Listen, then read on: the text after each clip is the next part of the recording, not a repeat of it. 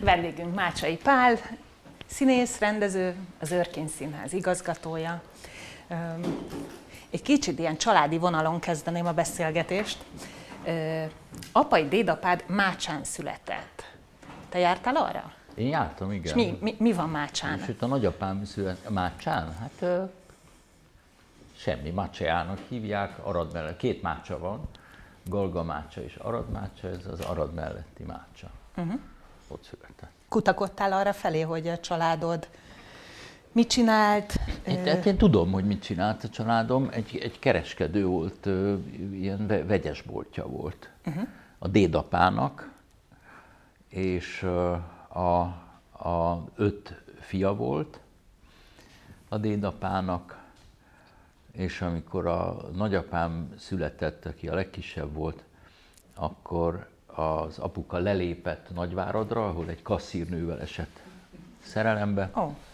és ezért a dédmama egyedül nevelte fel az öt fiát, majd amidőn az én nagyapám is felcseperedett a háború vége felé, a más, az első háború vége felé, akkor a dédpapa hazament, és azt mondta a, a feleségek, hogy hazajöttem. Akkor gyere be, mondta a, mondta a, nagy, nagymama, vagy Ilyen megbocsájtó volt? Ez, ez a családi legenda. Aha. És aztán boldogan éltek, még meg nem haltak. Nem tudok a végzetről többet, Aha. mert innentől már csak a nagyapám sorsát tartja számon.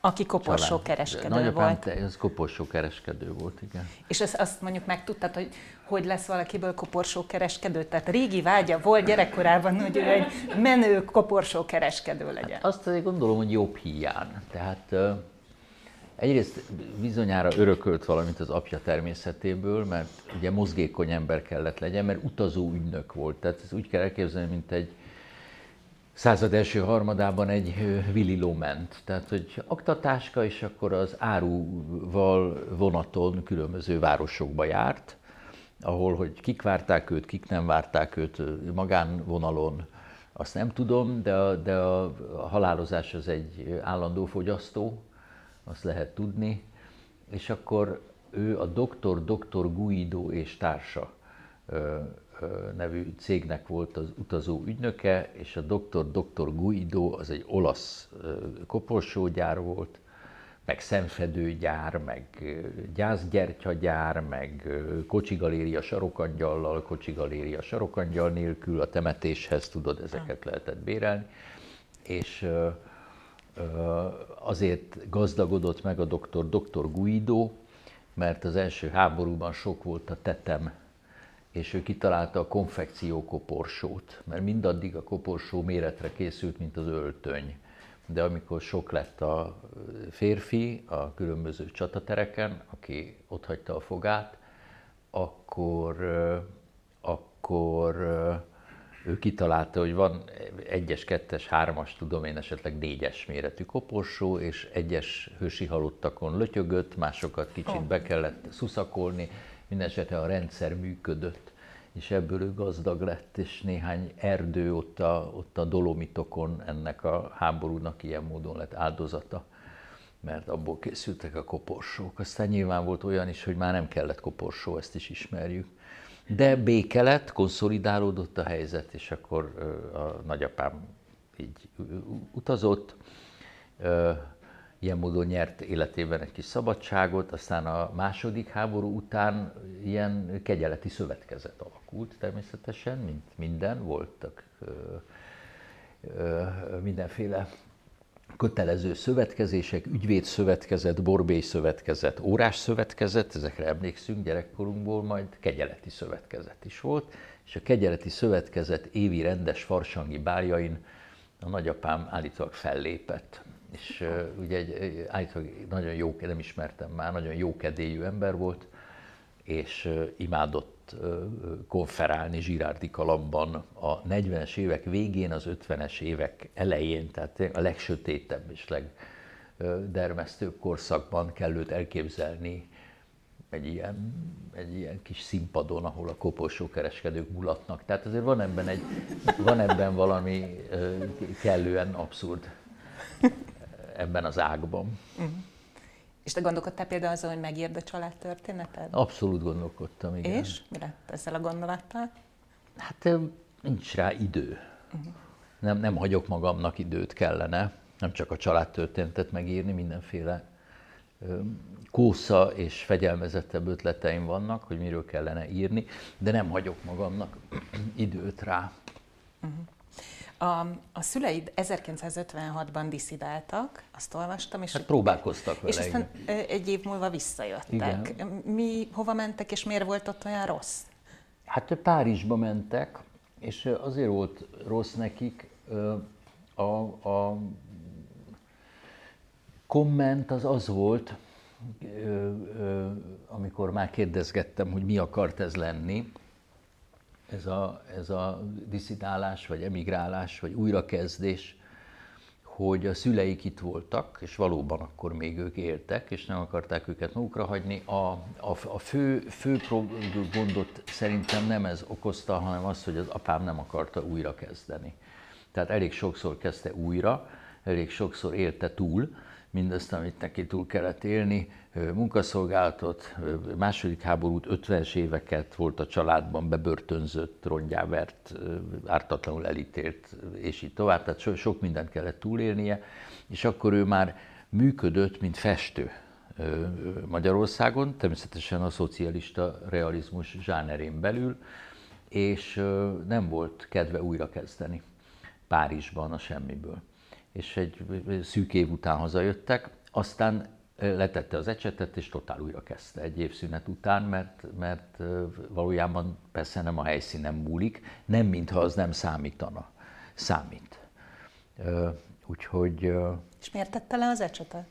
Mert megunta a szocialista realizmust, és önmagát a szocialista realizmusban, és elment képszerkesztőnek, mert utálta, amit csinál, és tudta, hogy az nem ő, se az alkatával, se az igazságérzetével nem függött össze.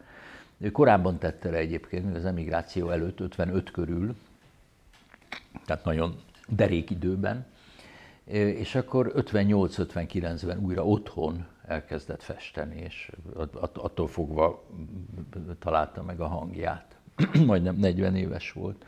Uh-huh. Sokszor mesélted, hogy újságírók szerettek volna páros interjút készíteni veled és édesapáddal, és téged mennyire frusztrált, hogy tulajdonképpen azért akarták, mert te vagy a, a látványos művész, tehát akit úgy arcról ismernek, miközben az édesapád Mácsai István festőművészt te sokkal többre tartod.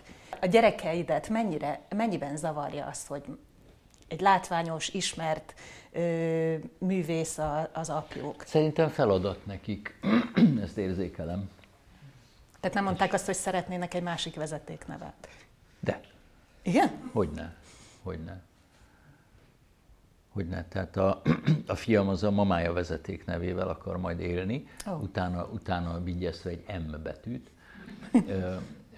De, de ebben azért az is van, hogy, hogy ott azon az ágon nincs fiú gyerek, és akkor szeretné, hogyha az a név is tovább menne, de elsősorban azt hiszem, hogy, hogy nem ez van a háttérben, hanem hogy szabadulni akar valami nyomasztóságtól, amit a helyzet ad, tehát én nem nyomasztom, én igyekszem nem nyomasztani,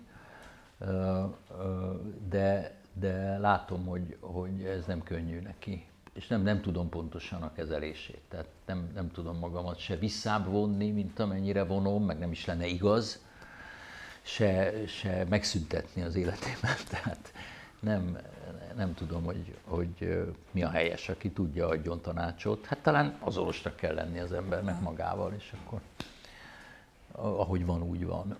Ő például kommentált, amikor a várostere volt nagy terápiás plakátokkal? Abszolút kommentálta, nem csak ő, hanem a húga is, tehát ő akkor volt tudom, tíz körül, és a, a kis húga volt három, és megjelentek ezek a nagyon nagy terápia plakátok és amikor először láttuk, az a, az alkotás úton volt ö, kifelé menet az Osztyapenko felé, ott van valami modern épület, és az volt lefedve az én ilyen kimírszen méretű arcképemmel.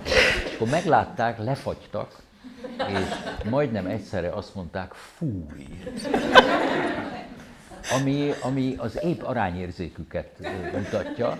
Tehát egy emberi arc, akit ők ismernek, és aki nekik testközelből, testközelből van, nem, nem lehet akkora, hogy, hogy egy házfalat beborítson, tehát az ebben lévő teljesen, mit tudom én, a, az egyiptomi piramisoktól a, a Kimirszenig való íven való tébolyt, hogy egy, hogy egy emberi arc ekkora, azt ők nem bírták elviselni, undorodtak tőle lényegében, és teljesen igazuk van. Tehát ha épp érzéke lenne a, a világ reklámiparának, meg, a, meg, a, meg mindennek, akkor ezek, ezek, ez ilyen nem volna. Képzelj egy bármilyen emberi szervet, ahogy egy házfal méretű. Hát nem akkora, egy arc se akkora, mint, mint, mint ez. Tehát nem, jó, jó, szerintem ott valami fontos ebben a fújban, tehát hogy ez guztustalan, hogy ez helytelen, hogy ettől távol kell maradni, hogy ettől írtózni kell, az egy nagyon, nagyon pontos fogalmazás, a fúj. De neked egy picit sem szerzett örömöt, hogy tele van a város a te képeddel? Most függetlenül attól, hogy mekkora volt ez a kép.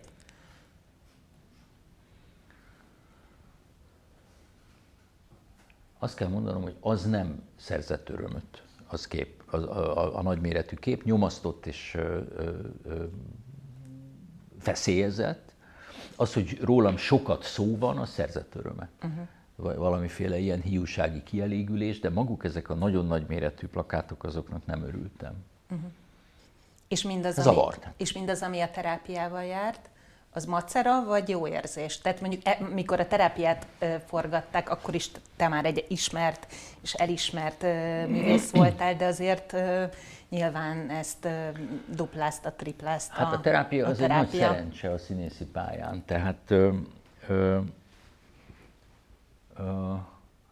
az egy nagyon jó anyag és azt tudjuk, hogy a televíziózás általában, mint olyan, az nem arról szól, hogy feltétlenül magas nívójú anyagokat kell a képernyőre tenni, az egy, az egy, az egy népszórakoztató tünemény, mint minden, ami sokaknak szól.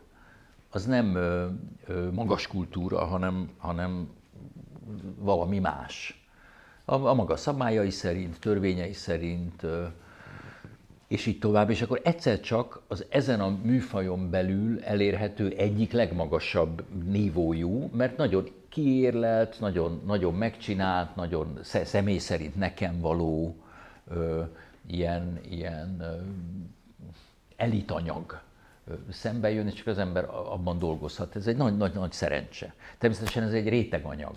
Tehát lehet, hogy akik itt ülnek, látták, vagy sokan látták, de, de hát azért azt, azt nem lehet gondolni, hogy, hogy ezt akárhányan nézik is, ráadásul HBO az egy előfizetős csatorna, akárhányan nézik is, annyian nézik, mint egy, mit tudom én, mit, nem tudom, ezeket a X-faktort például, hogy mondjak egy címet, hát egyáltalán nem, nem erre való.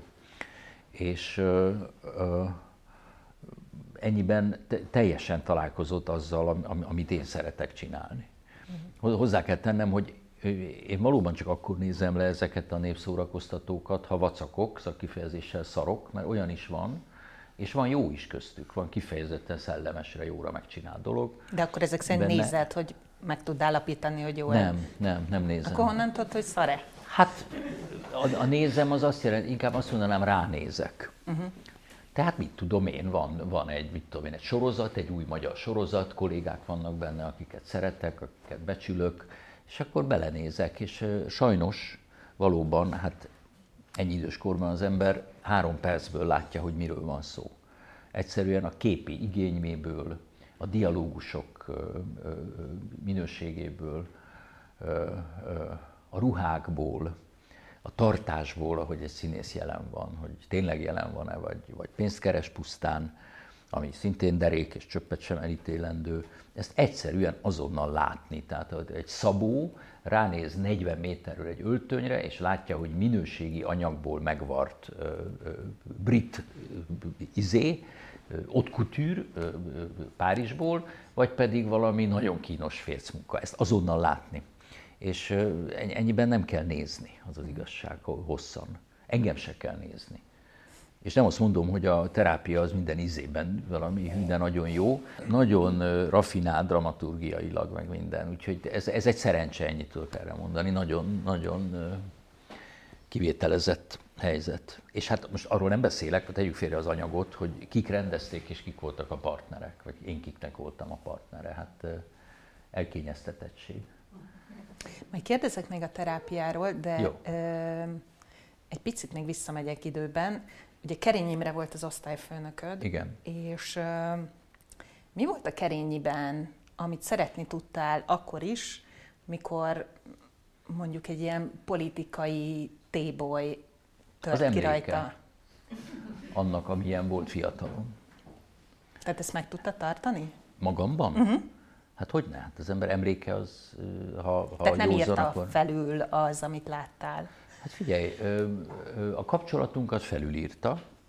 Nem, nem is titkoltuk sose, se ő, se én, hogy ez a kapcsolatunkat felülírja. Én nem csak a tanítványa voltam, hanem a Madács Színházban, amikor ő volt az igazgató, hosszú ideig tag voltam, sőt vezető színész voltam ott a Madácsban az ő rendezéseiben. És miután ő egy mániás ember, egy mániás alkat, mindig is az volt, ö, ö, abban az időben a tanítás volt a mániája, és a színház volt a mániája. És egy nagyon tehetséges színházművész volt. Ö, ö, ö, formailag pedig egyenesen virtuóz. És ö, hát akkor nagyon sokat tanultunk tőle, mindannyian. És később, amikor a színház már nem érdekelte, hát tudjuk, hogy nem érdekelte, ő maga is mondta, hanem a közélet érdekelte, és ott különböző okokból azt képviselte, amit akkor nem volt köztünk semmiféle kapcsolat már, de attól még a múltban, ami, ami volt, meg ahogy minket tanított, az, az megtörtént volt.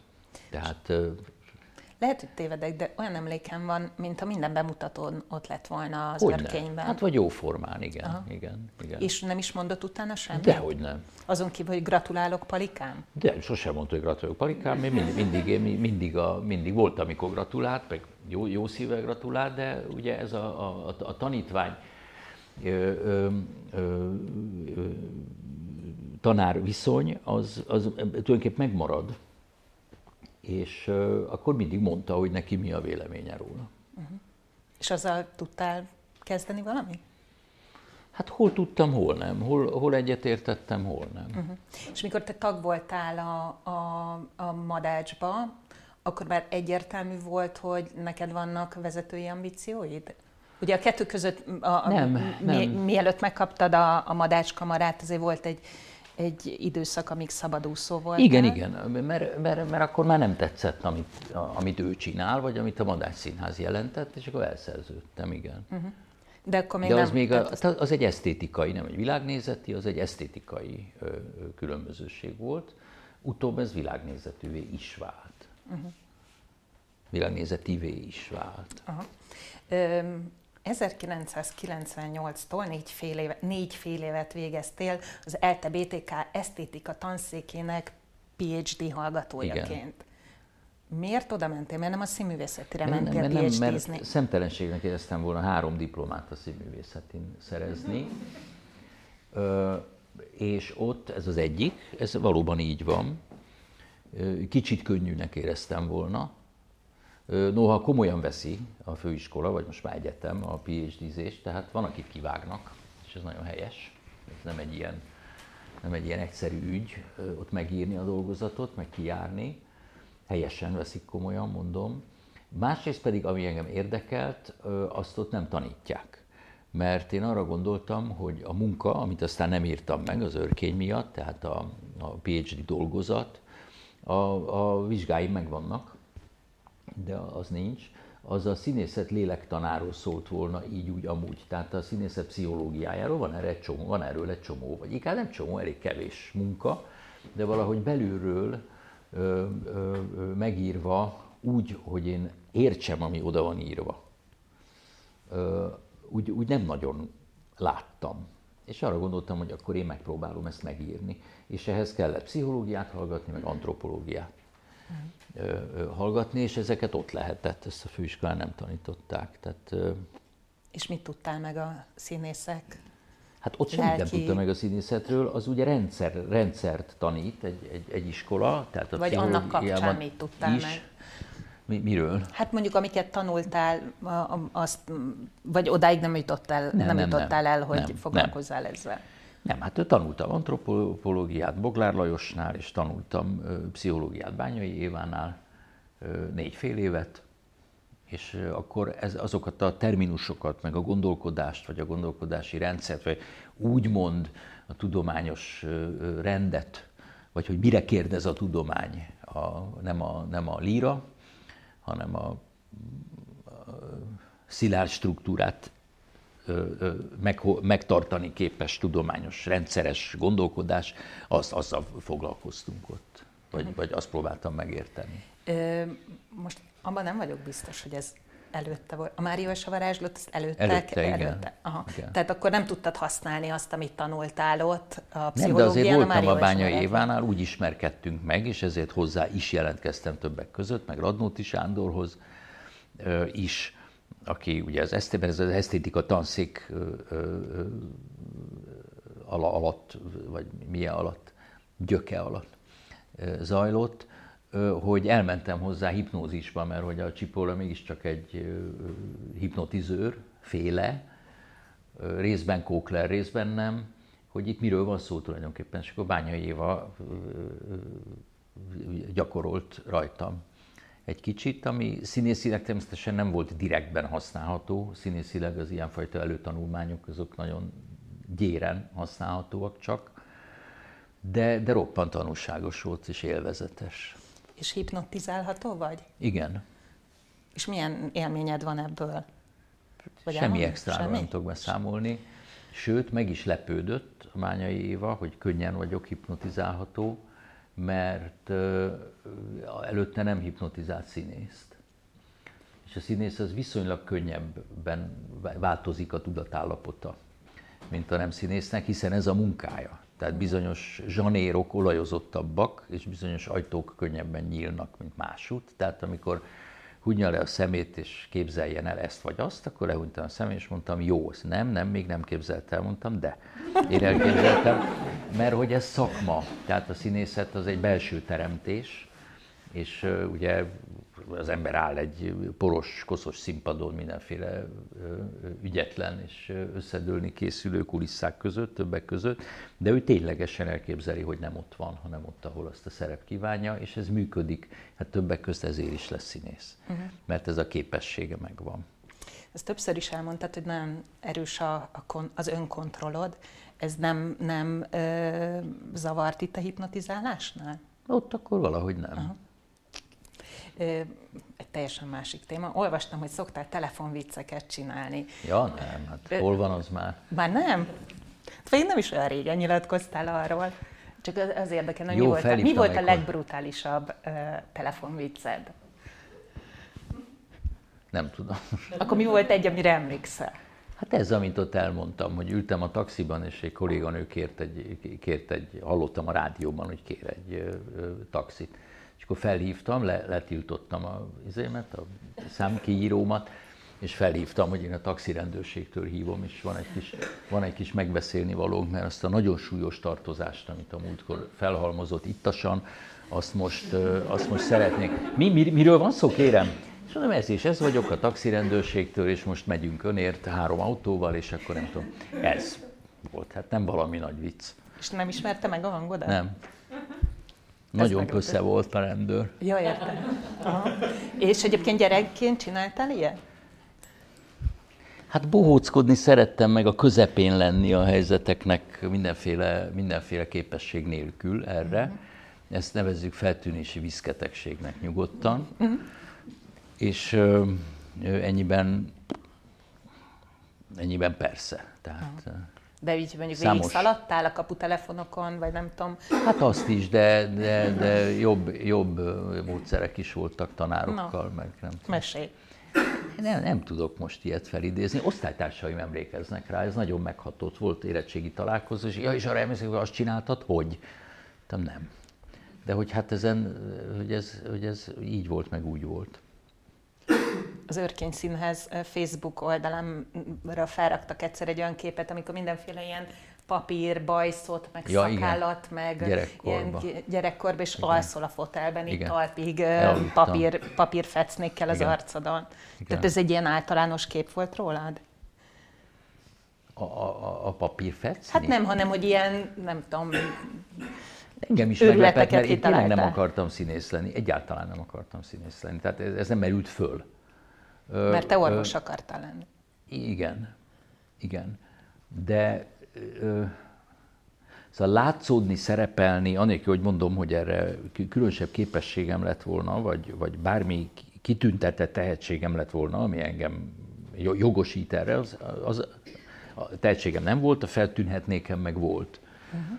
De, de az, hogy színész, ez egyáltalán nem merült fel. Tehát engem meglepett az a fénykép, hogy ott fekszem a, a fotelban elnyúlva, egy ilyen, egy ilyen ragasztott szakállal, meg bajusszal, meg szemöldökkel. Apám, ja, és ami még érdekes, hogy a kezemben egy újság van, amit éppen olvastam, szerintem Magyar Nemzet, vagy Népszabad. Nem, Magyar Nemzet járt, ugye az volt a, az volt a hazafias népfront lapja, és az volt a szabadabb újság, mint a Népszabadság, és akkor az járt. És egy olyan cserépkályha volt, mint ott a hátuk mögött, és az előtt ö, ö, fekszem eldőve a fotelban, na most 10 éves korom, 9-10 éves korom körül, na most az a, az a cucc, hogy egy bohóc, vagy majom, aki elmaszkolja magát, de azért intellektuálisan újságot olvas, majd ebben elfárad és elalszik,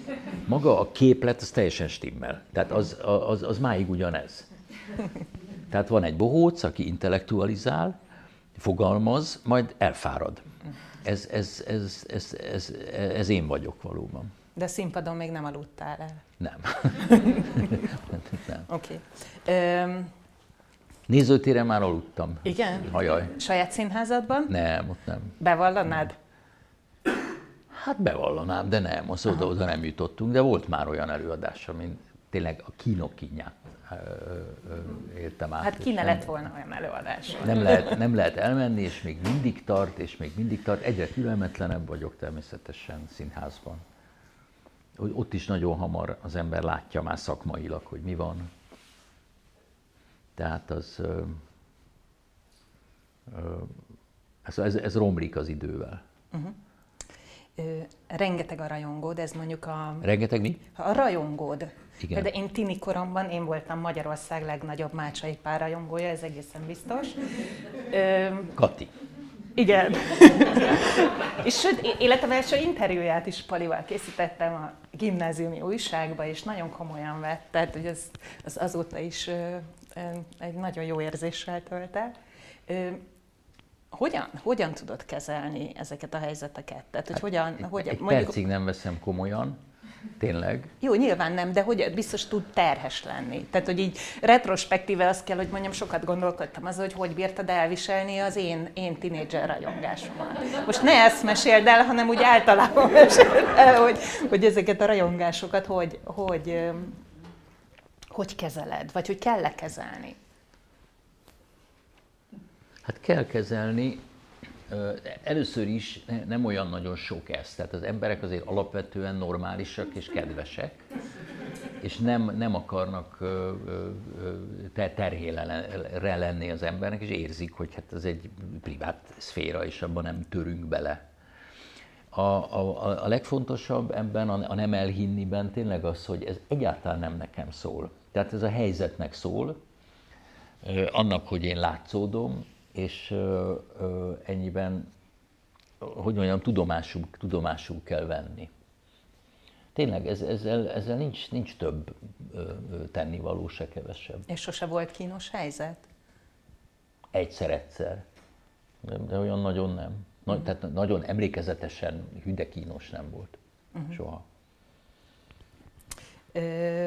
Az, az kínos benne, az ismertségben, nem a, nem a rajongásról szól, az ismertségben, hogy állandóan viselkedni kell egy kicsit, mert, mert, mert attól tartok, hogy néznek, és akkor majd véleménye lesz az embereknek. Tehát most a vendéglőre gondolok, a presszóra, a metróra, a, a villamosra, az, az, az utcán, hogy, hogy, hogy állandóan egy picit fegyelmezettemnek kell lenni, mint én azt szeretném. És ez már ilyen paranoia Odáig nem megy. Nem, odáig nem, nem? Néznek. Nem, nem, nem, az odáig nem Nem, megy. de az, hogy most annyira szeretnéd elengedni magadat, és pont az, letolni, az hogy néznek, az, az nincs. Ez, ez fárasztó egy kicsit, Aha. de ez se rossz. Aha. És azért főleg nem, nem gyűlölet van, olyan is van, tehát azzal is találkozom, nagyon ritkán. Inkább, inkább egy szeretet van, vagy egy elfogadás, vagy egy, vagy egy respekt, ami... Még, még egy zavar benne, hogy azért egy nagy része az nem a művészi vagy a szakmai teljesítményből van, hanem ezekből a beszélgetésekből, vagy a sajtóból, vagy az interjú helyzetekből, ami, ami azért nem igazán ö, ö, helyes. Ö, Én ezt most nem értem. Hát persze, hogy nem, mert te csinálod az interjút. De nem, nem most komolyan nem értem, hogy mi, mi az a helyzet, ami ebből adódik? Hát az, hogy, az, hogy ez egy, hogy, hogy emögött, emögött nincsen színház szakmai vagy előadói teljesítmény, Aha. semmi, hanem egy, hanem egy privát jelenlét van, de mégis nagy nyilvánosság előtt úgy, úgy mutatkozik, mintha az egy fontos dolog volt, pedig egyáltalán nem fontos. Az fontos, hogy mi van a színpadon. Uh-huh. Így, így világos? Tehát a szakmai teljesítmény mondjuk, hogy az hogy van megcsinálva, az fontos. Ezek, ez, egy, ez egy beszélgetés, amit én komolyan veszek, mert, mert megtisztelve érzem magam, hogy eljönnek, meg hogy te fel akarod venni ezt a beszélgetést, és ezért eljövök, és három kávét iszom előtte, hogy, hogy ébren legyek, vagy ne legyek, ne legyek bombább, mint amilyenek látszódni szeretnék, de mégiscsak ez egy másodlagos dolog, tehát ez egy hozadék az ismertségnek egy hozadéka, miközben termeli újra az ismertséget, és azt az illúziót, hogy az, hogy az valamit jelent, vagy az fontos, amit mond. És akkor erre rárakódik egy felelősség egy idő után, hogy embereknek tényleg fontos lesz, amit én mondok. Uh-huh. Tehát, hogy valamivel kapcsolatban odaállok, nem állok, mondok valamit, nem tudom mi, és akkor ez meg egy, ez meg egy felelősség, annak már megint van valamiféle társadalmi haszna. Így, így érthető? Aha, igen. Azt, hogy a nagyapám humoráról beszélek, ennek, ennek a, a, a privát kitárulkozáson kívül nincs igazán haszna. Vagy, vagy nincs érdekes, mert én egy ismert ember vagyok, de mindenkinek a nagyapja ilyen érdekes. Na, talán ez a fontos benne. Tényleg mindannyiunkét. Tehát itt ülünk 30-an, az jelent 60 nagyapát, és mindegyik ennyire izgalmas. Ugye most jár le a színházigazgatói pályázatod, megírtad az újat, olvasható a, a neten ahol azt is megírtad, hogy az újabb kinevezés esetén a Stúdió Színháznak a művészeti vezetője Polgár Csaba lenne. Ez azt jelenti, hogy tulajdonképpen mondjuk készíted elő az utódodat, vagy ez csak annyit jelent, hogy a stúdiónak más lesz a művészeti vezetője? Nem, az előbbit jelenti. Nem feltétlenül az én saját utódomat. Tehát egyáltalán nem lehet tudni, hogy minden bizony, amit nincs más pályázó, én leszek az igazgató, amikor összeül a közgyűlés, és ezt megszavazzák. Nem lehet tudni, hogy mi lesz öt év múlva. Tehát egy, egyáltalán nem biztos, hogy élek öt évig, egyáltalán nem biztos, hogy bármelyikünk megvan öt év múlva. Itt, itt arról van szó, hogy azok, akik erre képesek és hajlandóak, ez egy, mert ez nem ugyanaz, azokat helyzetbe kell hozni, és vezetői tapasztalathoz kell juttatni azoknak, akik, akik jelenleg vannak vezető pozícióban, ez ennyire egyszerű. És a Csaba abszolút alkalmas arra, mint neki különös érdeklődése van a, a, a függetlenek felé, és onnan is hív rendezőket nagy, nagy örömömre a, a, a következő utáni évadra, hiszen ő azt már készíti elő akkor, akkor ő, egy, ő egy helyzetbe kerül és vezetői tapasztalatokat szerez. Tehát ez, ez, ez, ez, ez ennyi van mögötte, hogy aztán ő az én utódom lesz-e, vagy egyszer csak ő föláll és megpályáz egy teljesen másik színházat, vagy egy független befogadó helyet, vagy mit tudom én, erről nem szoktunk így egyeztetni, hogy én, a te, én az én utódomat látom benned, ennél ez, ennél ez egyel, egyel lazább dolog. Az, azt tudni kell, hogy a, hogy a, hogy a korszakok vég, véget érnek, és hogy azt is tudni kell, hogy az nem tragédia. Az egy tragédia lenne, hogyha az a minőség, amit az őrkény céloz, hol eléri, hol nem, de, de amit céloz, ha az elpárologna a, a, a semmiben, mert lebomlana, mert szélne keresztenék, meg az egy probléma lenne.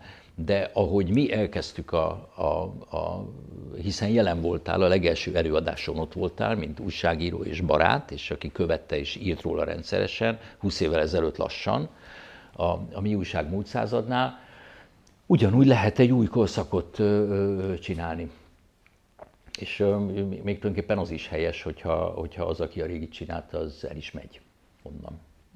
De mondjuk, hogyha nem választottak volna meg az elmúlt húsz évben, az fájt volna? Hát biztosan, persze. És méltánytalannak éreztem volna.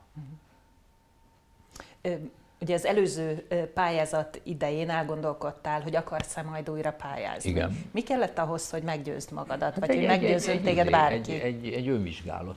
Uh-huh. És az azt hogy nézett ki? A... Leültél magaddal, és akkor... Nem leültem magammal egyszer, hanem folyamatosan azt írtam a pályázatba, hogy mint egy saját magamra állított ügynök figyeltem, hogy hogyan működöm. Tehát, hogy van-e bennem elegendő spiritus, energia, érdeklődés, kíváncsiság a, a jövővel kapcsolatban. Azt tapasztaltam, hogy van, és miután az utánam következő nemzedéket én az a helyzet is, hogy én igazgató vagyok, tudja helyzetbe hozni, ezért, ezért úgy döntöttem, hogy akkor pályázom még egy kört. Uh-huh. És ezt utolsónak tartod, vagy nem akarsz ilyenről dönteni? Nem akarok most dönteni, de, de hát a biológiailag ez, ez, ez nem lenne helytelen, ha ez az utolsó lenne. Uh-huh. Ugye én 60 vagyok, ami inkább, mint nem, Hát, hát még nem vagy 60. Hát jó, szóval én 60 éves vagyok lényegében, ezt szoktam mondani, és hát 59 leszek mindjárt, tehát azért most érted, egy 20 éves embernek az egy 60 éves év ember. Múlva, mindjárt 59. Jó.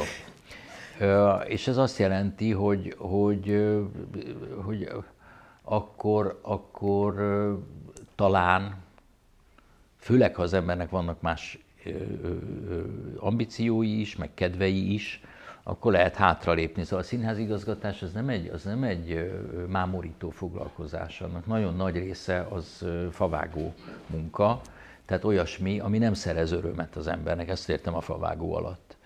Uh-huh. Érted, ez egy intézmény. Na most intézményt vezetni ki szeret?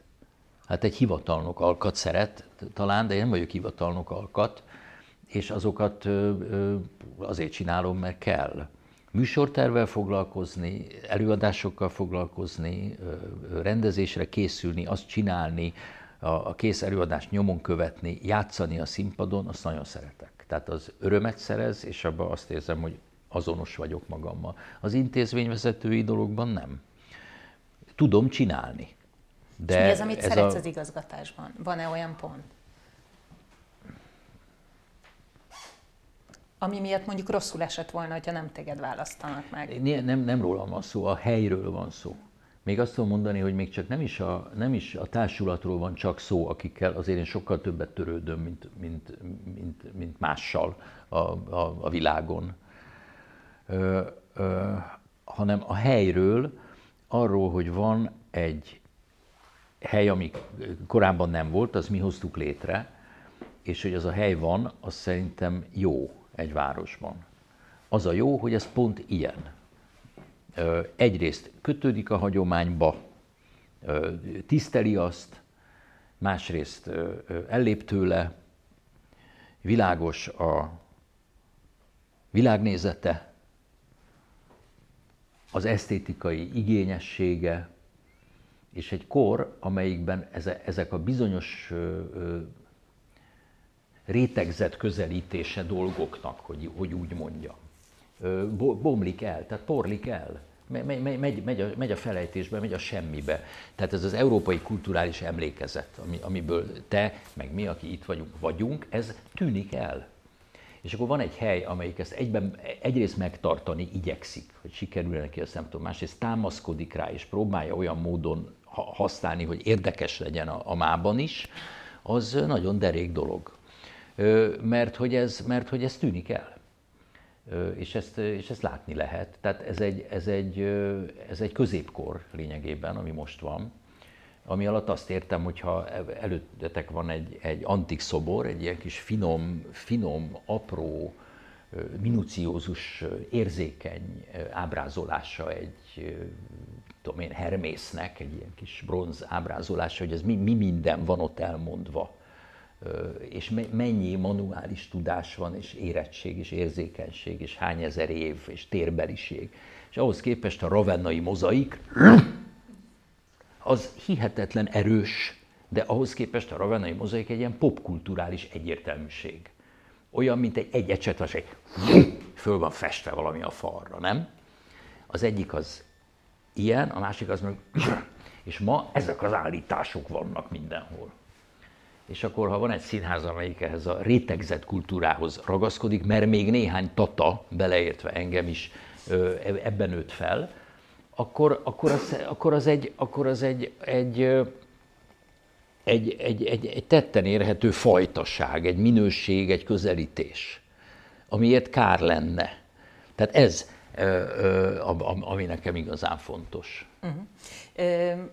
Többek között, meg hát én nem, nem szeretnék, bocsánat, nem, nem szeretnék ilyen ódon lenni, tehát mindent olyan, olyan formanyelven kell, ami, ami, amit értünk, és ami a mához szól, és ami, és ami mai, de mégiscsak azért ez a, a, a dolgok bonyolultság, állandóan egyszerű válaszokat kapunk mindenre. De tényleg? Mi, mindenre, tehát közéletben, televízióban, olvasmányainkban, rövid, egyszerű válaszokat. A, a dolgok pedig hosszan és bonyolultan vannak.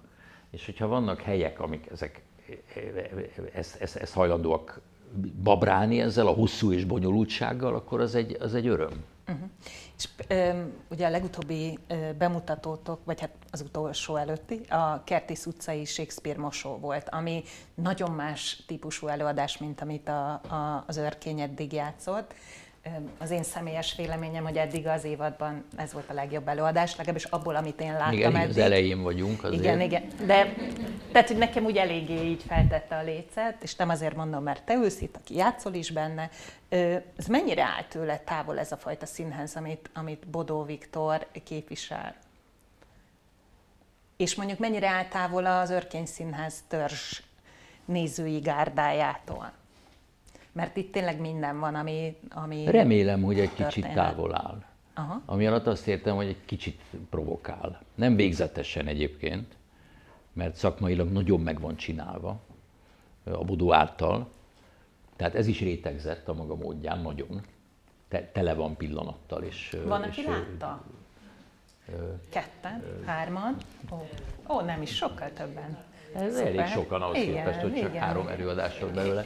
Tehát szakmailag, szakmailag nagyon rétegzett, hogy úgy, hogy úgy mondjam, vagy ezt a szót használjam, nem biztos, hogy ez talál rá. Én soha nem rendeznék így. Tehát ha azt kérdezed, hogy távol áll-e tőlem, vagy nem, hát, akkor természetesen nagyon távol áll tőlem, hiszen egyáltalán nem az én világom és fantáziám és hallatlan élvezettel merülök el benne, tehát egyáltalán nem áll tőlem távol. Tehát a színházi ízlésettől nem áll távol? Nem. És nem volt egyetlen Nekem egy olyan... a színházi ízlésem, az a színházi ízlésem, hogy meg legyen csinálva. Aha. Tényleg, tehát hogy ne legyen, ne legyen, ne legyen benne patent, Aha. ezt tudom mondani. Igazából azt utálom, amikor, amikor látom, az úgy szoktam nevezni, hogy trafikban vásárolható eszközökkel valami a, színpad, valami a nézőtéren hatást kelt. Ilyen eszközöket lehet vásárolni. Szóval meg lehet tanulni, zene, fehéring, ellenfény, füst, függöny föl, hatás. Oh, oh. Na de ezek, de, ezek, de ezek bóvlik. Hogy ha nem ezekkel a hatásokkal él, vagy ezeket a hatásokat ironikusan, vagy kifordítva, vagy a saját visszájukra fordítva használja, mert tele van eredeti gondolattal, akkor ez abszolút örömet szerez. Nincs, nincs benne műfai korlátoltság, vagy nagyon remélem, hogy nincs. Ilyen előadás nem is volt az örkényben, mint amit most említettél? Ilyen hatásra, de Aha. volt. volt. A, a Dömötör Andris rendezte, az volt a címe, hogy kihagyhatatlan, és a Bulvár Színház eszközein parodizált. Uh-huh. Volt benne egy csodálatos, megbukott az előadás, nem volt, nem volt elég jó, de volt benne egy csodálatos, felejthetetlen része, musical paródia. és ott minden olyan musical patentet, ami a rossz, jó musicalek is vannak, élvezetesek is vannak, olyanok is, amikre a gyerekeimet elviszem, és vannak patentekből építkezők, és ott minden volt, ami a, ami a patent, és ez nagyon lehetett röhögni. De az pompás volt. Mondjuk te is játszottál musicalbe. Hogy? Te is játszottál musicalbe. Hát Valahol röviden. Európában. Vagy ez Röviden. nem, nem, nem musical? De musical, abszolút. Igen. Uh-huh. igen. Röviden, sajnos, én nem, nem tudok énekelni elég. de volt, ahhoz képest volt lemezed is, meg egy... Na, mit szólsz? De az nem musical volt, Ez és nem igaz. is csináltam úgy, mint ha Viszont énekeltél benne. Igen. És ez a 80-as években volt. És Igen. utána nem fartyogott benned a vágy, Nem. hogy csinálj egy Ki is újabb- aludt. Ki is A zenélés nem, azt szeretem, de, de csak ilyen ho- hobbiban. De mondjuk belehallgattál az elmúlt öt évben abban a lemezbe? Nem. Én de mondjuk ma hallottam, a? Youtube-on fönt van három Na. szám, igen, igen. Ismerik, a- ismerik ezt a lemezt? Van, aki igen. Bornai Tibor írta a zenét, én írtam a szövegeket. Ez, ez volt benne a fontos inkább nekem, ez az írói ö, ö, jelenlét, vagy próbálkozás, vagy a, vagy a dalszöveg mű- műfaj. És azóta írtál dalszöveget? Egyet-egyet, Igen? Igen. Magadnak? Fiókba? Nem. Ha nem? mindegy. Ez mondjuk nem ér. Oké. Okay. keveset. Keveset? Keves, persze. De azért mondjuk a zenéhez elég erőteljesen kötődsz, meg egy csomó zenei produkcióban benne vagy, vagy például ott van a Katona története, amelyet most a színházak éjszakáján is előadtok, de rengeteget játszottad, nem? Vagy többször Elég játszottad sokat, igen. inkább. És hogy, hogy Lackfi János fordítását te rendszerezted Hát az, az úgy van, hogy, úgy van hogy, hogy, hogy a Lackfi, ugye Kocsis Zoltán találta ki, hogy legyen egy új szöveg. Mindenféle, sok magyar szöveg volt benne, régi, vagy belőle, régiek is, újabbak is. Akkor Kocsis, aki mindig mindennel elégedetlen volt, ami megvan, teljesen ö, okkal és joggal, vagy helyesen, ö, kitalálta, hogy legyen egy új magyar szöveg, és a Lackfit felkérte. De ő a, a báb verziót fordította le, nem a narrátoros verziót, egyszerűen muszáj narrátor szövegeket írni bele, hogy érthető legyen a történet. Tehát azt nem lehet mondani, hogy balról bejön a katona, hanem azt valahogy máshogy kell mondani. És akkor azokat én részben beleírtam, nagy kéjjel, és a Lackfi nagyon elismerően mondta, hogy kiváló. Hát ezek rímes, ilyen, ilyen, ilyen kicsit, kicsit ö, egy ilyen áll, álnépköltészet szerű, álnaív anyag ez, amit a Ramuz írt, a francia is, és akkor ez, ez a Lackfi szövege is természetesen nagyon stílusű és nagyon pontos, egyáltalán a, a vásári bábjáték, vagy a vásári katonatörténet, az egy toposz, és megvan a magyar megfelelője. Érted, Vitéz Lászlótól nem tudom meddig, és ezt Alaszki nagyon pontosan kapta el. És ebbe írtam, tudom én, 20-30 sort, ami segít. Tehát nekem ehhez ennyi közöm van. Uh-huh. De, de szeretem játszani, hát az egy remek mű. Tehát a Stravinsky az csodálatos. A Kertész Ja, utcai igen. Shakespeare mosóban is ö, gitározol, Igen, meg hát többé-kevésbé. többé-kevésbé mindenhol. Bodó azt hiszi, hogy tudok. Jól megtévesztetted. 23 éve megy az Azt meséld el, Pista. Sosem érezted azt, hogyha még egyszer el kell mondanod, akkor itt halsz meg? Nem. Vagy ott? Nem. Nem. Tehát ezt az 23 éve rendületlenül élvezed. Azt kell mondanom, hogy igen, a második, harmadik perctől, tehát nehéz elkezdeni, mert, mert tudom, hogy, hogy mi minden van benne, de sose volt olyan, hogy közben azt éreztem volna, hogy na én ezt többé nem, akkor abba hagynám. Uh-huh. Sok dolgot hagytam így abba, kértem, hogy vegyük le, kifogyott, elég volt, nem Mi tudok vele ilyen? újat, unom. Számos, számos ilyen előadás volt, cseréljenek le. Itt a, a legelső ilyen a, a János király volt, az a nagy, nagyszerű János Tényleg? király, amit Kerényi rendezett. Azt ki János A? Várszínházban. Várszínházban. Először az Ódri színpadon vizsgaként, na- nagyon-nagyon jó vizsga volt, aztán ugyanazt a Várszínházban, és abban én egy jóformán néma szerepet játszottam, és a századik után mondtam, hogy nincs, nincs, nincs, nincs több. Köszönöm szépen. Én nem, nem, nem, nem tudok többet, nem mintha a színészeknek, áll, a színésznek állandóan jó kéne magát érezni, vagy állandóan mondandója kéne legyen. Nem kell ezért, ez egy szakma. Tehát van olyan, hogy bemegyünk és eljátszuk. De akkor éreztem, hogy nem. Volt ilyen, vagy mit tudom én, például a Bernhardi ügy nem olyan régen. Azt azért is vettük le, mert én úgy éreztem, hogy, hogy, hogy elég volt. Van és olyan, hogy egy színész azt érzi, hogy elég, és nem akarja többet játszani, mert, mert, mert megrekedt benne, vagy, vagy, vagy természetesen ezt olyankor lehet csinálni, amikor, amikor az nem gerince a repertoárnak, az a, az a fajta, éppen az az előadás már. Tehát akkor, akkor azt lehet. De ezt elfogadod, ha a színészed oda megy, és Volt azt mondja, ilyen, hogy... Nem. Volt ilyen. Igen? Volt ilyen, igen. Mindig a széria vége felé van, vagy amikor azt mondja, hogy én érzem, hogy ez belül fárad. Uh-huh. Tehát egyszerűen nincs benne annyi inspiráció már, hogy, hogy, hogy játsszuk. Például a Jó gyerekek képeskönyve, ami egy elművölő előadás volt, az ezért került le a műsorról. Igen, mert elfáradt színészileg. Tehát azt a fajta ö, ö, élénk, dévaj, jókedvet, ami annak a játszásához kell, mert különben nyögvenyelős, azt elvesztette az előadás századik környékén, ilyen van. Tehát ez egy élő anyag. Uh-huh. És ö, ö, tulajdonképpen megunták a színészek. Miután nincs benne vivő anyag, nincs benne hova fejlődni, az az, ami.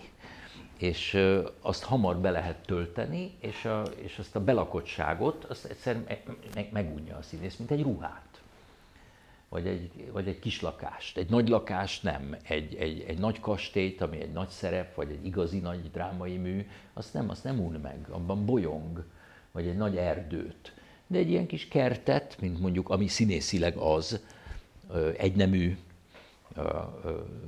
egyféle, vagy nem, nem túl sokféle, azt meg lehet unni, és akkor a századik után azt mondják, hogy figyelj, fáradtak vagyunk benne, kedvetlenül jövünk be a színházba és akkor a musicalekben átosztják ezeket,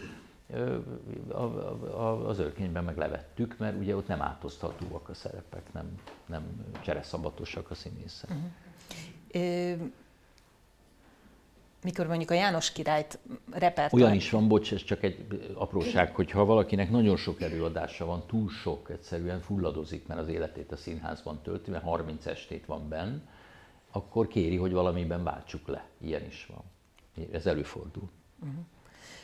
Mikor a János királyt próbáltátok az őrkényben, akkor így előjöttek azok a, ha már beszéltél a János királyról, ami, ami mondjuk főiskolás korodban, vagy hát a, előjött, a de nem, de nem feszélyezett. Nem Tehát feszélyezett. ott Bagosi László nagyon sokat tudott arról, hogy ő hogy akarja ezt, és ez annyira más, és annyira sok időt teltem, nem 30 év telt uh-huh. el, hogy persze emlékeztem az egészre, minden pillanatára emlékeztem, de, de csöppet sem feszélyezett vagy kötött meg. Mint hogy most a Kertész utcai Shakespeare-nél se kötött meg, hogy én játszottam Rómeó és Júliát. Vagyis csak a Rómeót játszottad. Igen. De hogy abban a darabban, ami ennek az alapja, 83-ban, ami hány éve volt? 40, kis hiány 40, jó, nem 40, oké, okay, 30 valamennyi. Egyáltalán 90-ig játszottuk, tehát jó egyáltalán nem feszélyezett, zavart. Mhm. Kicsit De így nosztalgiáztál, vagy így meséltél arról a Rómeóról? Hogyne. Igen? Persze. És Persze, mi, mi, mi volt hát ez? épp a... úgy unták, mint amikor nekem akkor a tudom, Kállai Feri mesélt ifjúkori sikereiről. Hát, ő, ő volt a bácsi, én voltam a fiatal, és hát igen, biztos voltak ilyen korok, hogy 1960-as évek színháza, de kit érdekel? Pont így hallgatták. Aha. És miről meséltél, emlékszel? Őzéről meséltem, Őze Lajosról, ő volt Lőrinc barát, és nagyszerű, csodálatos volt benne, sokat tanultam tőle, és arról meséltem, uh-huh. főleg. Uh-huh. Meg arról, hogy hány halott van abban az előadásban. És hány? Hát sok. Szinte Aha. mindenki. Igen. Szinte. Uh-huh. Hát igen. A macska játékot háromszor megrendezted. Hm. Van-e még negyedik benne? Nincs. És mi volt az az igény, hogy mondjuk a harmadikat terved? Pogány Judit volt az igény. Aha. Tehát az egy, ő kérte, hogy nem, játsza? Nem, nem, nem, nem ő kérte, ő, ő, no, ő mindent tud a szakmáról, mindent. Meg az életről is, nem, ő nem kér szerepet, azt én gondoltam, hogy neki el kellene játszani. Uh-huh. És ez volt az oka. És akkor, a, tehát oké, okay, először megrendezted, meg megrendezted a harmadikat. Mi kell ahhoz, hogy egy rendező többször megrendezzen egy darabot?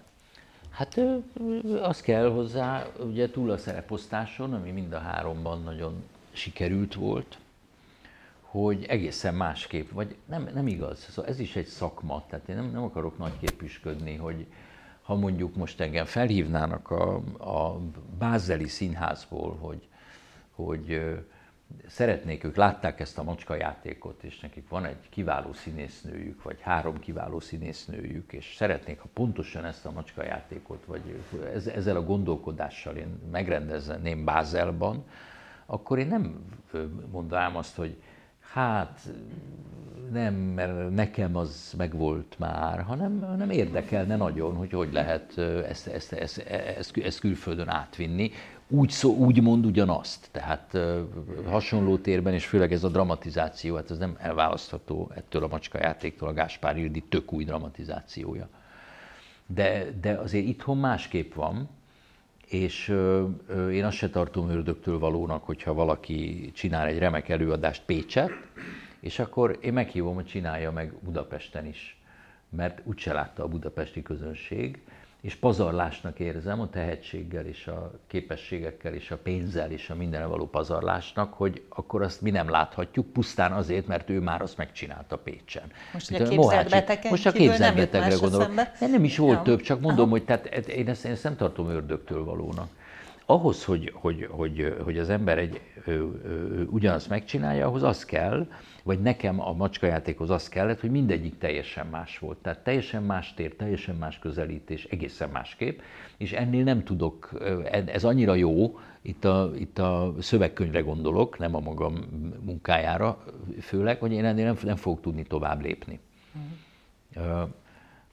Tehát De rendeztél még... meg külföldön? Nem. nem, nem. De az érdekelne például német nyelvterületen uh-huh. ö, ö, ö, milyen, az biztos, hogy olyasmit volna merszem igazán, amivel már foglalkoztam.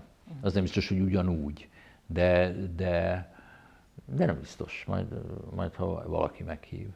Nem, az egy életforma, az egy döntés kérdése. Én ezt, én ezt ö, ö, tudatosan engedtem el. Tehát ugye sokan rendeznek külföldön magyar rendezők, vagy páran rendeznek külföldön, vagy mit tudom én, a Gáspár Ildi például most rendszeresen már külföldön rendez, inkább többet, mint idehaza és arra rá kell fordítani egy, egy pár évet, vagy a Dömötör Andris, hogy mondjak direkt nem a Silinget mondom, aki mindig is egy nemzetközi pályán is mozgott, vagy már a Krétakörrel is az, azon is mozgott, de még a Dömötör Andris, aki, aki nálunk kezdett rendezni, és aztán rendezett a katonában, majd kiment. És akkor ott elkezdte magát felépíteni, ez ilyen, tehát az ott kell lenni. Uh-huh. Az benne kell lenni ebben. De forgattál Németországban? Forgattam, igen, többször uh-huh. is és más nyelvterületen? Mert beszélsz azért angolul is, beszélsz hát, franciául is. angolul, németül jobban beszélek, mint angolul. Forgattam Franciaországban is kicsit, Svájcban is kicsit, Ausztriában többet régen, uh-huh. de viszonylag keveset forgattam, tehát én nem vagyok egy film, film elkényeztetett színész egyáltalán. Uh-huh. És reménykedtél, hogy a terápia után filmmel elkényeztetett színész lesz? Nem, teljesen világos volt, hogy fordítva lesz, tehát ez egy percig nem gondoltam. Ugye akkor a sorozat doki, és a sorozat dokit nem hívjuk, mert ő az. Uh-huh. Természetesen, akinek egy kis szeme van, meg orra, meg emberismerete, az hív. Itt az Enyedi Ildikóra gondolok, aki rögtön hívott egy teljesen másik szerepre, mint a terápia.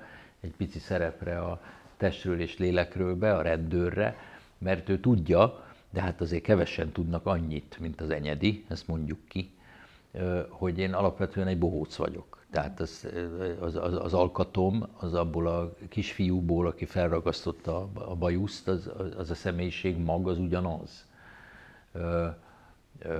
Tehát ő pontosan tudta, hogyha ő azt megkockáztatja, hogy egy enyhén korrupt, ilyen bajuszos rendőr bőrcsekibe, frufruval bemegy valahova, hogy én, az, hogy én azt nagyobb élvezettel fogom csinálni, mintha esetleg a, a pszichológust osztotta volna rám, amit uh-huh.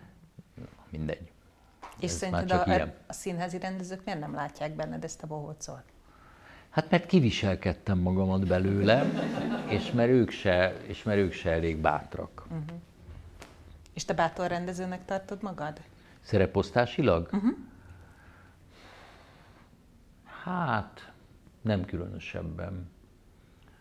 Nem különösebben. Tehát, hogy, hogy olyan, pa, pa, olyan szempontból igen, hogy belelátok emberekbe dolgokat, hogy ez is benne van, de úgy, hogy direktbe igazán egészen mást osztani rá, azt, azt nem szoktam.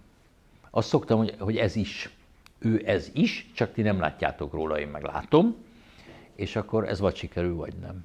Épp akartam kérdezni, hogy és akkor igazad van ebben. Általában igen, de hát mi nagyon ismerjük egymást, egy akkora helyen élünk az őrkényben, 25-en, mint ez a szoba. Tehát a társalgónk, ismered a társalgónkat, az pont ekkora. És az öltözőink, azok összességében megint csak akkorák, mint ez a szoba. Tehát mi ott élünk, szóval ott, ott nem lehet hazudni, meg kamuzni, meg nem tudni, hogy a másik ki valójában. Megfigyeljük is egymást árgus szemekkel folyton. Tehát nem, nem, ebben nem szoktam mellé nyúlni. Tudom, hogy nem vagy nagy rajongója a top listának, de mégis arra kérlek, hogy még az Örkény Színház első a te számrendszeredben 20 évéből, ugye 2001-ben indult, mi volt ez a top három előadás, ami szerinted mindenképpen kell, hogy fennmaradjon az utókornak? Előadás nem maradt fel az utókornak. Jó, Ér- akkor értem, a híre, mondsz, vagy tehát a híre. Hogy az, hogy az fontos volt, Aha, vagy, vagy igen, jó igen, volt, igen. vagy, vagy Igen. kellett, hogy legyen?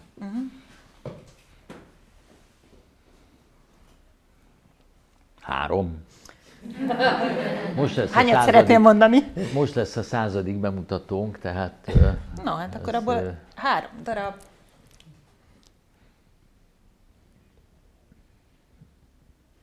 Még töröm a fejem, kérdez többet, majd közben ka- kattog a fejem rajta, és akkor válaszolok. Um, igazából ezzel akartam befejezni, Ja? de azért...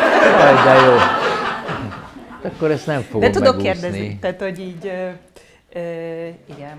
Ö, a darabválasztás kapcsán azt nyilatkoztat, hogy a klímaváltozásról mondjuk valóban nem találtam színpadképes szöveget, de a migrációról sem, pedig elég tágan pásztáztók. Igen. Ö, tehát, hogy így, mikor keresitek a darabokat, akkor ti így ültök a, nem tudom, a közéleti kérdéseket címszavakban felírt papír fölött, és próbáltok Nem. ahhoz darabot választani? Nem, nem, hanem úgy van, hogy dolgok a levegőben vannak, és azokat az ember érzékeli, és amikor olvasunk, tehát van, van egy olvasó dramaturgi funkció is a színházban. A funkció alatt azt értem, ugye nem, nem ilyen álláshely van, hanem mindannyiunkban van egy darabkeresési funkció. Tehát folyamatosan nyitva van az ember szeme, nézi a, nézi a kül- külföldi színházak műsorát, kortárs darabokat olvasunk, és így tovább. Elsősorban persze a dramaturgia, de, de a rendezők is. És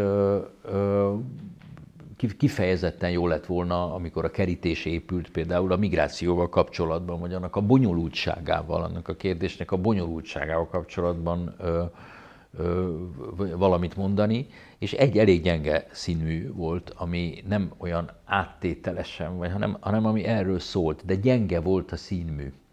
És akkor itt lehetne nem olyan finnyásnak lenni, azt is elmondtam ugyanebben az interjúban, azt mondani, hogy igen, hát ez olyan élesen közéleti, akkor most akkor tegyük színpadra, csak nem visz rá a lélek. De irathattál látom, volna darabot? Hogy Irathattál volna darabot? nem. Nem? De sose, dehogy nem. Tehát mondjuk Többször, a többször, térei, irattunk, téreivel... többször irattunk darabot, és soha nem sikerült. Tényleg? témára iratni darabot, Aha. igen, de a legjobbakkal sem. Uh-huh.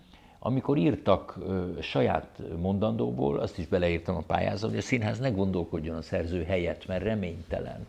Tehát a Székely Csaba, aki egy igazán kiváló drámaíró, és nagyon megérdemelt sikere is van, itt is, ott is, amott is. Egy olyan darabot írt nekünk az én ötletemre, amit nem lehetett bemutatni. Elkezdtük próbálni, majd félbehagytuk. Mert világos volt, hogy egyszerűen nem képes meg, megtartani a, a, az előadást. Az érdekelt engem, hogy ő onnan, Erdélyből írja meg, hogy mi milyenek vagyunk. Tehát ezt az is, iszonyatos ö, ö, izét, ö, karikatúra tömeget, akik mi onnan vagyunk a saját iróniájával. A jobberek, a ballerek, a, a, a, a, ez, a, ez a folyamatos ilyen acsarkodó izé, kutyahetsz, amiben élünk tulajdonképpen, hogy írja már meg ezt ő egy külső szemmel, és meg is írta, és, és nem, nem, nem az ő gondolata volt, az egészen érződött egy feszélyezettség, nem, nem nagyon lehet úgy iratni darabot. Mhm. De mondjuk legalábbis... Térei János most nektek írt hát igen, darabot, de, igen amit... hát, ő, hát ő egy témát kapott összesen, azt mondta neki Kovalik, hogy lót. Uh-huh.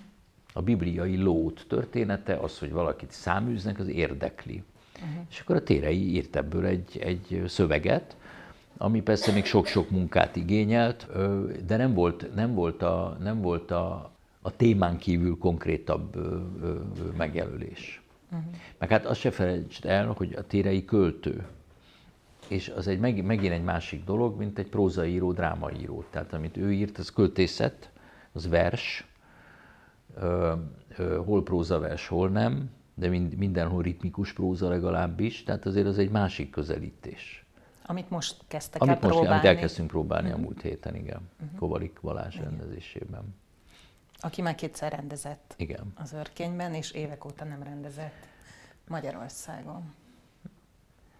Hát figyelj, a három, ahogy lassan pásztázok előre az időben, akkor azt tudom mondani, hogy a hogy ugye a, a mi újság múlt mondom, de csak szeretetből, mert, mert nyitó darab. A Kovalik Boris Godunovját mondanám, Bagosi László által rendezett Arab éjszakát mondanám, a János királyt is mondanám, amit ő rendezett nálunk, a Jó gyerekek képes könyvét is, amit Asser, a József és testvéreit, ami Asser és a Gáspár Ildi, két anyám tyúkját mondanám egynek, a, a Bodó Viktor mostani bemutatóját,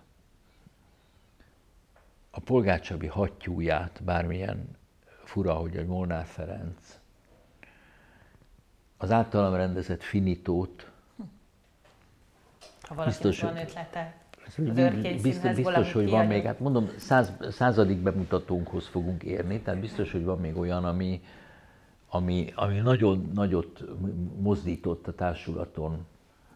A, az Arturóit is mondanám, Zsótér által rendezett Arturóit, feltétlenül mondanám a Számodra helyt, amit Mohácsi rendezett, az E föld befogadva, vagy Számodra helyt.